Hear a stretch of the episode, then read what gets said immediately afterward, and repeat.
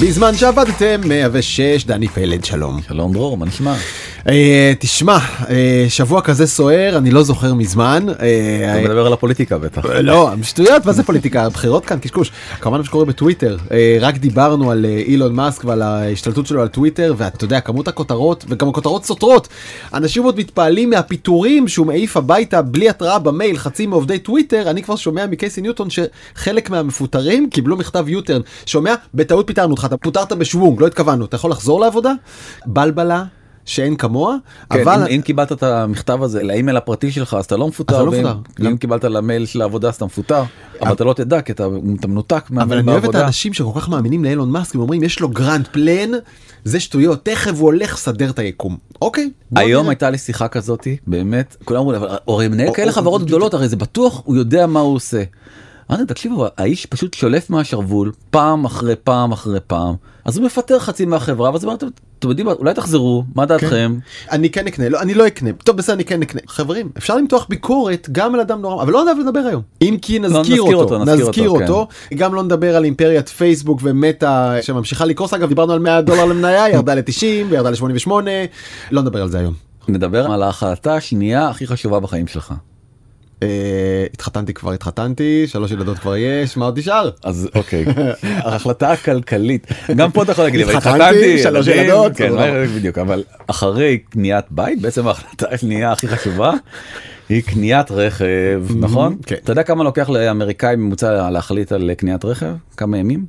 אה, חשבתי שזה בדקות, זה בימים? כן אתה אומר בוא אוקיי אני אקנה רכב ואז אתה מתחיל כאילו לקנות כל מיני מגזיני אוטו כאלה מתחיל לעלעל אז נו, מה? ש- חודש? 89 ימים. וואלה. כן, זה הזמן הממוצע שלוקח לקנות אה, רכב. בעצם יש בעיה אה, גדולה מאוד ברכבים חשמליים, אנחנו נדבר עליה.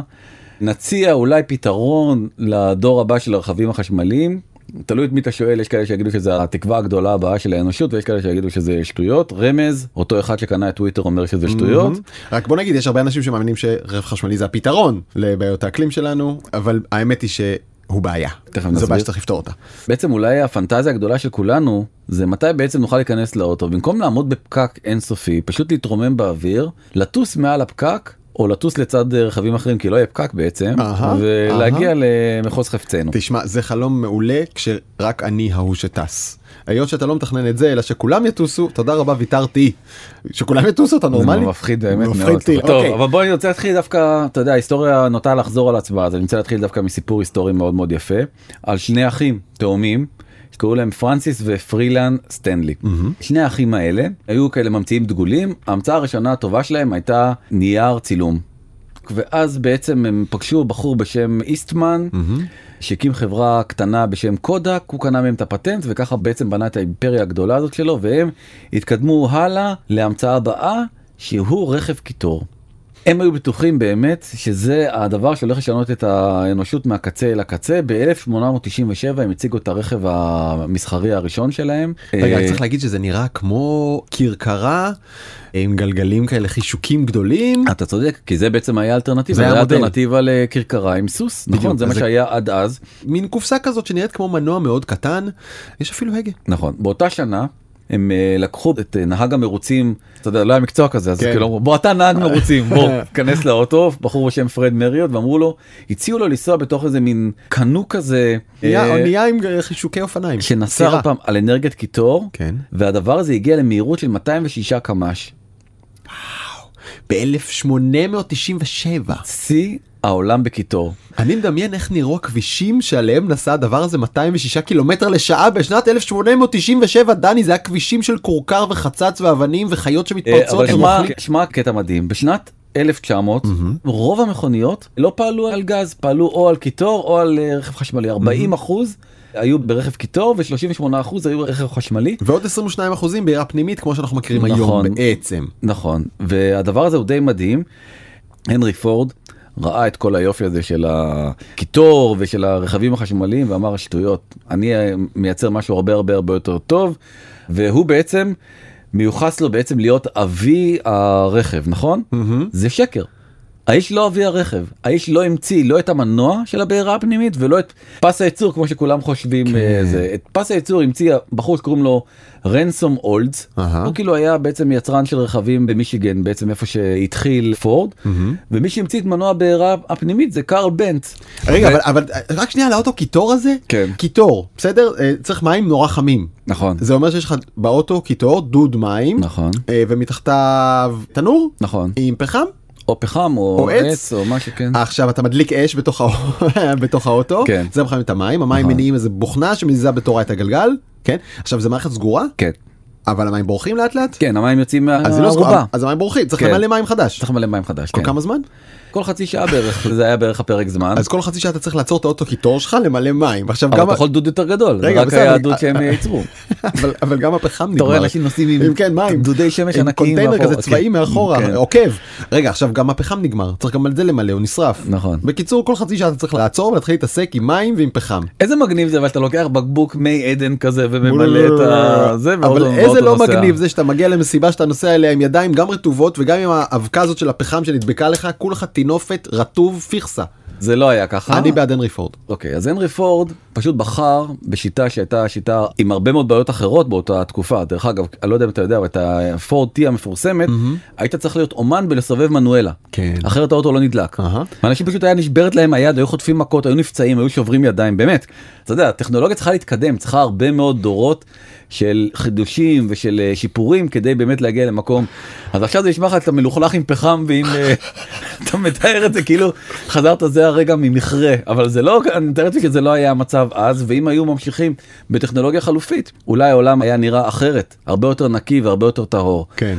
אז בעצם אותו דבר אותו סיפור שקרה אי שם בתחילת המאה ה-20 לדעתי חוזר על עצמו ביתר שאת עם אה, אילון מאסק ועם טסלה בעצם אילון מאסק שהוא כנראה באמת בסוף הוא התעשיין הכי גדול של דורנו אתה יודע זה בעצם משהו יותר מכל דבר אחר והוא הימר על כיוון שהוא כיוון אה, של רכב חשמלי ולכן מה שאנחנו רואים היום בעולם זה הרבה מאוד רכבים חשמליים אבל האם רכבים חשמליים זה הרכבים הטובים ביותר על זה אני בדיוק רוצה לדבר איתך. תסתכל משהו מאוד מאוד מעניין. דיברנו על כמה רכבים אה, מייצרים אמרת בצדק בפרק הקודם אני חושב שטויוטה מייצרת הרבה יותר רכבים מטסלה.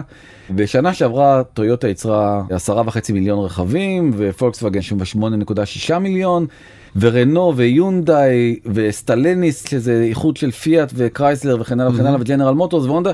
בכל העשירייה הראשונה אין טסלה. כן. טסלה עד היום מתחילת השנה יצרה 936 אלף רכבים. שאגב בפרק הקודם אמרתי בטעות מספר אחר נמוך בהרבה אז המספר האמיתי היא מתקרבת למיליון אה, בשנה. השנה היא תעבור את המיליון אה, בפעם הראשונה אבל בשווי שוק למרות שהיא בעצם פחות מעשירית מטויוטה היא מבחינת אה, שווי שוק אחרי כל הירידות כמעט פי חמישה מטויוטה שזה די מדהים.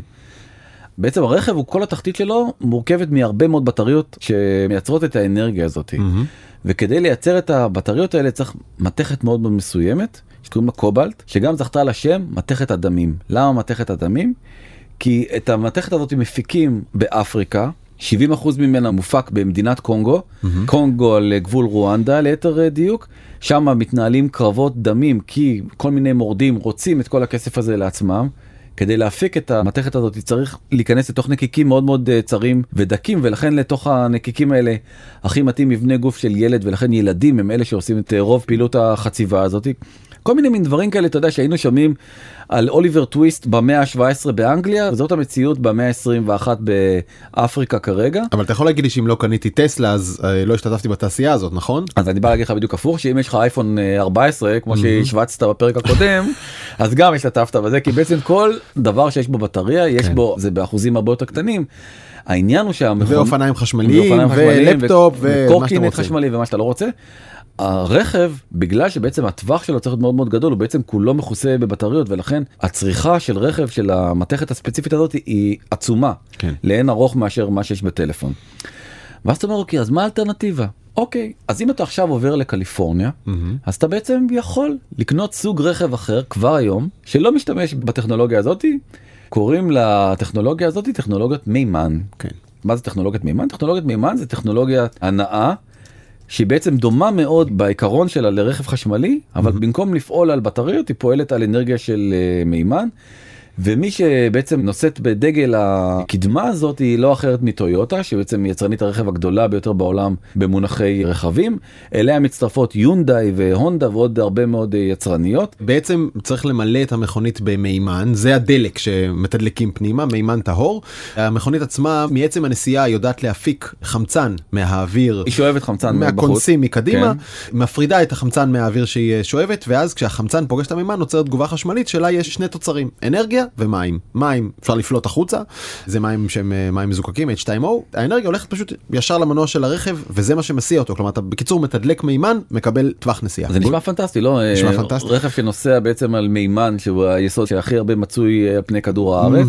והאוויר שהוא שואב מבחוץ ומוציא מים. נכון. זהו אין אקזוסט אין uh, co2 אין co אין כלום לכאורה. נכון אוקיי. רק צריך להגיד לא אמרנו קודם שהסיבה לחפש אלטרנטיבה לרכב החשמלי היא בין היתר לא רק הייצור של הקובלט אלא משום שגם המחזור שלו הוא בעייתי צריך כל איזה 160 אלף קילומטר להחליף את הבטריה והמחזור שלה זה חתיכת סיפור וזה משאיר uh, זיהום וכולי בקיצור זה לא כזה רעיון גדול כן וגם אז... החשמל עצמו לייצר אותו זה גם אומר ששרפת. תכף, תכף נגיע לחשמל אז בעצם uh, כרגע היום בעולם יש 15 אלף רכבים מונעים מימן כולם בקליפורניה המדינה היחידה בארצות הברית שבה יש את הרכבים האלה.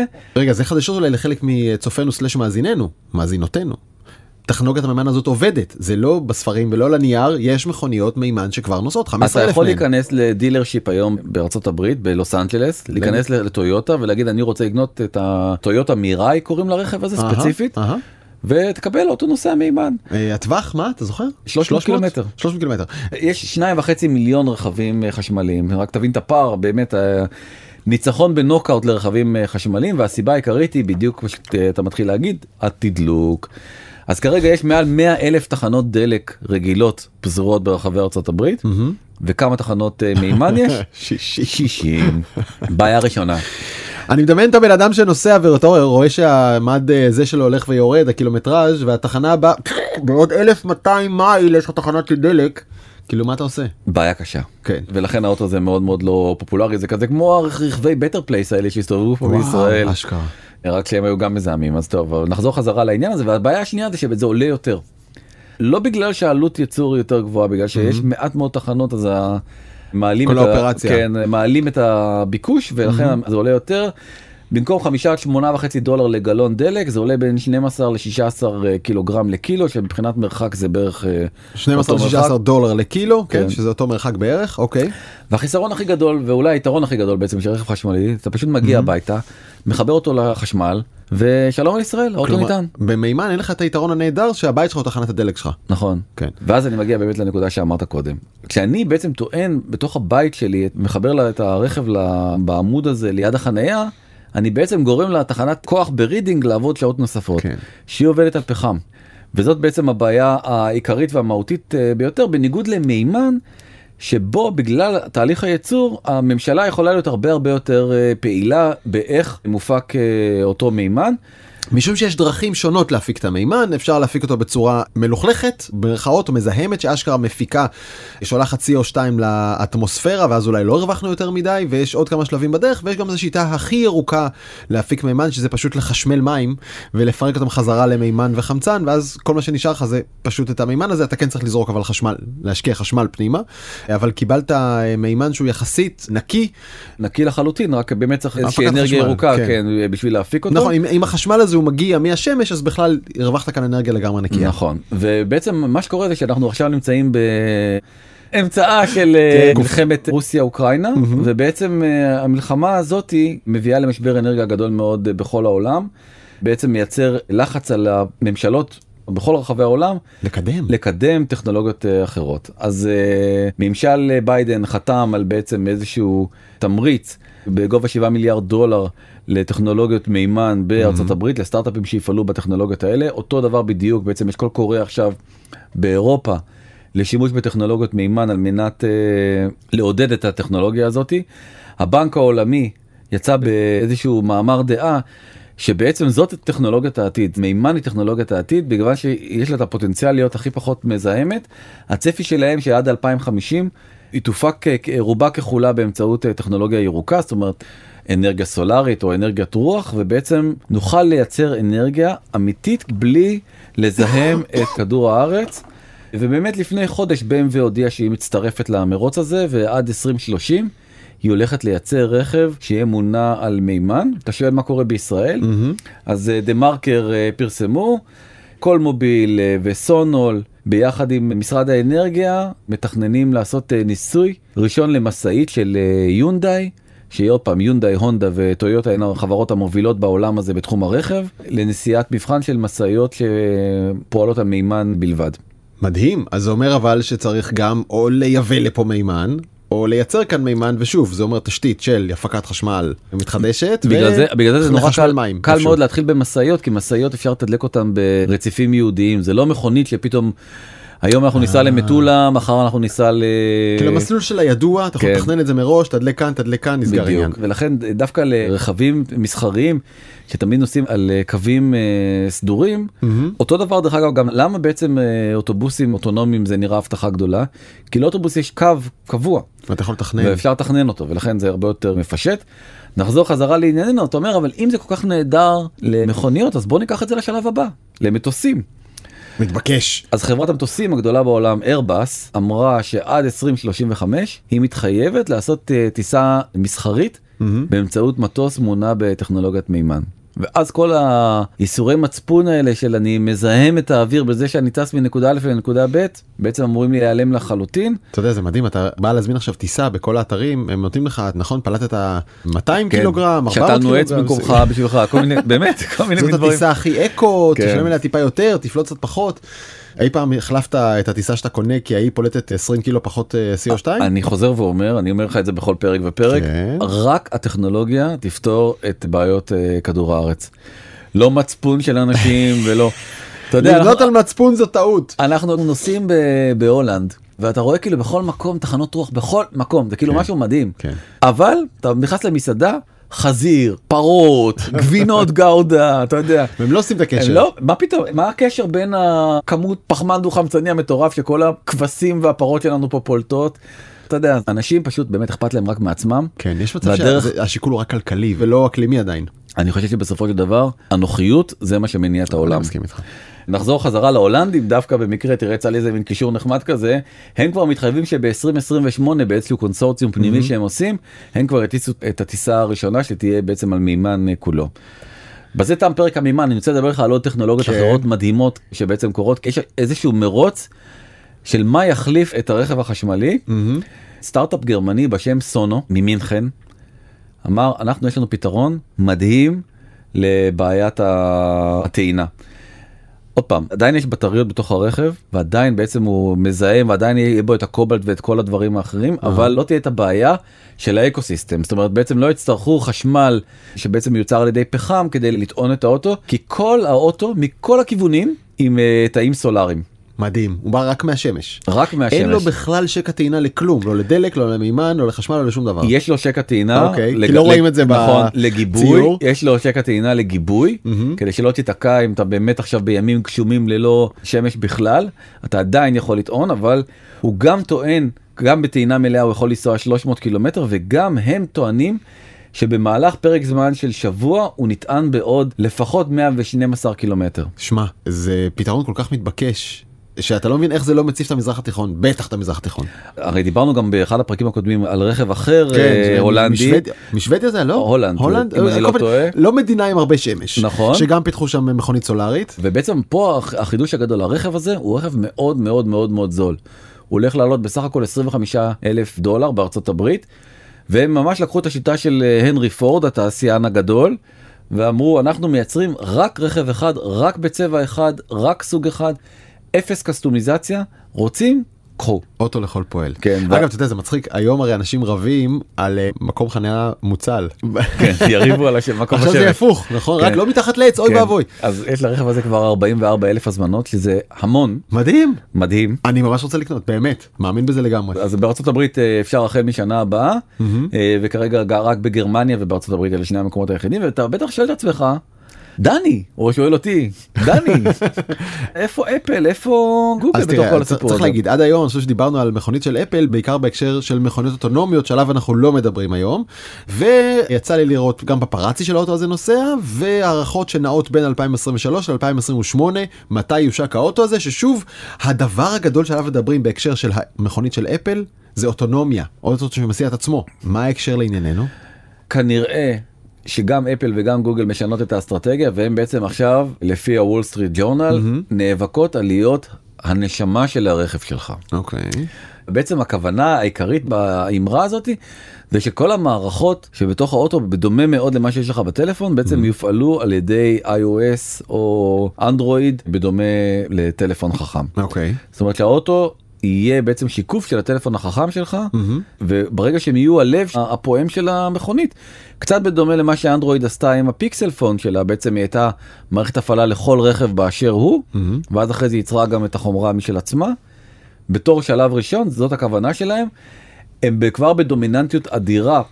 היום 91% מהרכבים המיוצרים בעולם יש להם בתוכם ו-89% מהרכבים יש להם אנדרואיד בתוכם. זה- שלרוב המכוניות יש גם וגם מה שלא תחבר צריך לעבוד. נכון. זה מוביל אותי אבל לשלב באמת אולי הכי מעניין ואתה יודע לשם בסופו של דבר כולנו נרצה להגיע וזה יש לי בשורה טובה כן. ובשורה מלחיצה אבל הבשורה הטובה היא שזה הולך לקרות במהלך ימי חיינו אנחנו נוכל לטוס עם המכונית שלנו באוויר. יש עכשיו איזשהו טרנד חדש האמת שהוא כמה שנים אבל עכשיו הוא מתרומם אה, תרתי משמע. שזה- EVTOL. EVTOL שזה electric vehicle take off and landing aircraft. אלקטריק ורטיקל. Vertical, סליחה. כן. המראה ונחיתה אה, אנכיות וחשמלי וצריך להגיד יש כבר כמה כלי רכב שעושים את זה והטרנד הזה הוא כבר בשיאו ויש גם כמה חברות ישראליות שעושות את זה אבל אנחנו רוצים להתמקד לא סתם במעופפים שיודעים להמריא מהמקום אלא במכוניות שעומדות להמריא גם על הרצפה וגם באוויר. אז תכיר את אילון מאסק הסיני שאופנג היי. שהוא מייצר רכבים שנקראים אקספנק שהרכבים האלה נמכרים לא רע בעולם כן כבר נמכרו מתחילת השנה 100 אלף רכבים של ה אקספנג האלה דרך. אגב יש כמה יבואנים אה, ישראלים שכרגע רוצים לייבא את הרכב הזה לישראל אז יכול מאוד להיות ששנה הבאה כבר נראה אקספנג גם בישראל. אבל הוא בא ואומר בעצם הדבר ההגיוני זה שמהאוטו שלי יצאו כנפיים קצת כמו ברחפן כן. ופשוט האוטו יוכל להתרומם ברגע שהוא רוצה. רוצה לנסוע שייסע רוצה להתרומם שיתרומם. ביזנס אינסיידר אומרים שזה באמת הדבר אולי הכי קרוב למכונית מתעופפת כי אתה באמת רואה מכונית שמתרוממת לה באוויר ועף על ה... הנה אנחנו אה, מראים את זה עכשיו אה, למאזיננו. אני אשים את זה כמובן באינסטגרם שלי אתה יכול גם. צילום את הוידאו הזה של המכונית הזו איקס פנג טסה באוויר תשמע. זה נראה מאוד מוזר זה מאוד מלחיץ זה פשוט אוטו שהצמידו לו פלופלורים כמו של רחפן אבל מנופחים לעילה ולעילה ענקיים והם לוקחים אותו באוויר זה פשוט הלחימו רחפן לאוטו למסוק. למסוק. אבל אני חושב שבעיניי זה כן. דווקא מאוד מאוד הגיוני כי אתה זה טכנולוגיה שעובדת כל כך הרבה שנים רק צריך לחשוב איך מקפלים את זה בצורה קומפקטית ונוחה ולמה לא. אונסטלי בעיניי זה מאוד לא הגיוני. בכלל הנדסית השילוב הזה כאוטו הוא מאוד מאוד לא יעיל כי הוא סוחב עליו את כל הכנפיים והמנועים והפרופלורים והזה זה משקל עודף וגם כמטוס הוא שוכב עליו גלגלים וצורה לא אווירודינמית זה נראה לי כמו החלאה יפה בשביל סרטון האמת. כן? כן, אז אני חושב שהדבר שבאמת יקרה לא ייראה ככה. אפשר לקנות אותו כבר ולהזמין אותו כבר עכשיו הוא הולך לעלות המון 156 אלף דולר וב-2024 ממש עוד מעבר רגע לפינה, כן. כן לא באמת ממש עוד רגע אתה באמת מכיר את החברה הזאת מהסוג הקודם של הרחפנים היותר גדולים בעצם זה דווקא נראה ממש כמו רחפן רק בגודל מפלצתי כן. ובחודש שעבר אפשר היה לצפות ברחפנים המפלצתיים האלה עפים להם בטיסות ניסוי אמיתיות בשמי דובאי מדהים. אתה אומר מפלצתיים משום שאפשר לשבת בפנים. אפשר לשבת יש בפנים. מקום לבני אדם שניים במקרה הזה. כן ופשוט לטוס מנקודה א' לנקודה ב' בזה אני כן לא- מאמין. העניין הוא שזה לא נוסע מי צריך שזה ייסע יש לזה כנפיים זה יודע להמריא למה שייסע על הכביש. כי אולי אתה לא צריך כל הזמן לבזבז את ה... יש הרי הטווחים של הטיסה הם נורא נורא נורא נורא קצרים אתה לא צריך כל הזמן הבנתי אותך. לטוס. זה קצת מזכיר לי, אתה זוכר שהיה לך אה, IBM תואם IBM עם כפתור אדום טורבו? היית משתמש בו בלי הכפתור טורבו? לא, תמיד הוא היה לחוץ. אני הייתי מאנשי אפל לא נעים לי להגיד סליחה גם אז? גם אז היה לי אפל 2C יאללה. כן שמרת אה, אותו אני מקווה.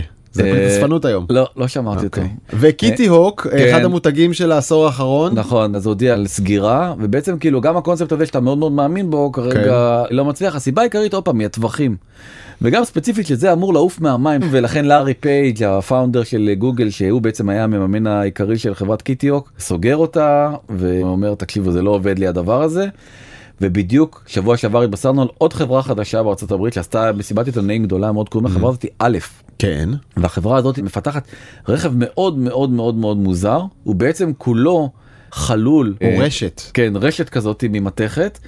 כל הרוטורים נמצאים בתוך הרשת כלואים כאילו מקדימה תדמיין כאילו מתחת למכסה מנוע ובבגאז' יש רוטורים שבעצם מתרוממים ואתה יכול להשתמש בהם על מנת אה, לנסוע ואז לנסוע בדבר הזה כשהוא וואו. נוסע מעצב של בוגטי עיצב את האוטו הזה הוא נראה זה נראה משהו כמו החלאה בין בית מוביל לרשת של קורי עכביש לא יודע איך להגיד כן את זה. זה מהמם ממש אהה. והשקיע בזה טים דרייפר המשקיע הבאמת אגדי שגם היה אחד המשקיעים הראשונים בטסלה והוא מאמין שזה העתיד. די זה ש- נראה מופרך מדי. זה מה שאני בא להגיד לך, לא. מצד שני הוא גם השקיע באליזבת הולמס אז אז, אה,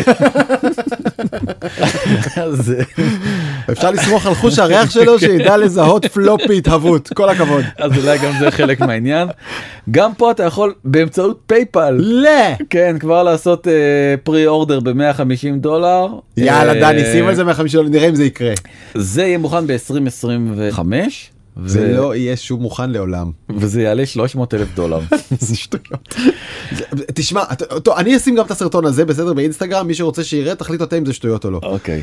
לסיכום הרגולציה כבר נערכת לקראת הרכבים, הזה. כן הרכבים המתעופפים זה באמת אה, הולך ונראה יותר ויותר מעבר לפינה. כי צריך להבין שכשאוטו עולה באוויר יש פה המון שאלות. מי נוהג אותו? מי שולט בו? מי מפקח עליו? יש מגדל תעופה? מה הגבהים? 60 עד 120 מטר? 120 עד 150 מטר? מאיפה ממריאים? מהגג שלך? מהמגרש חניה שלך? אה, מגרש חניה יהודי ששמנו במרכז העיר רק בשכונה? זה מישהו צריך לפקח על הדבר הזה. אני באמת חוזר למה שאמרתי לך בהתחלה אם רק אני יכול להמריא אני חושב שזה יעבוד מעולה. ברגע שכולם הולכים להמריא כאן אתה מוותר.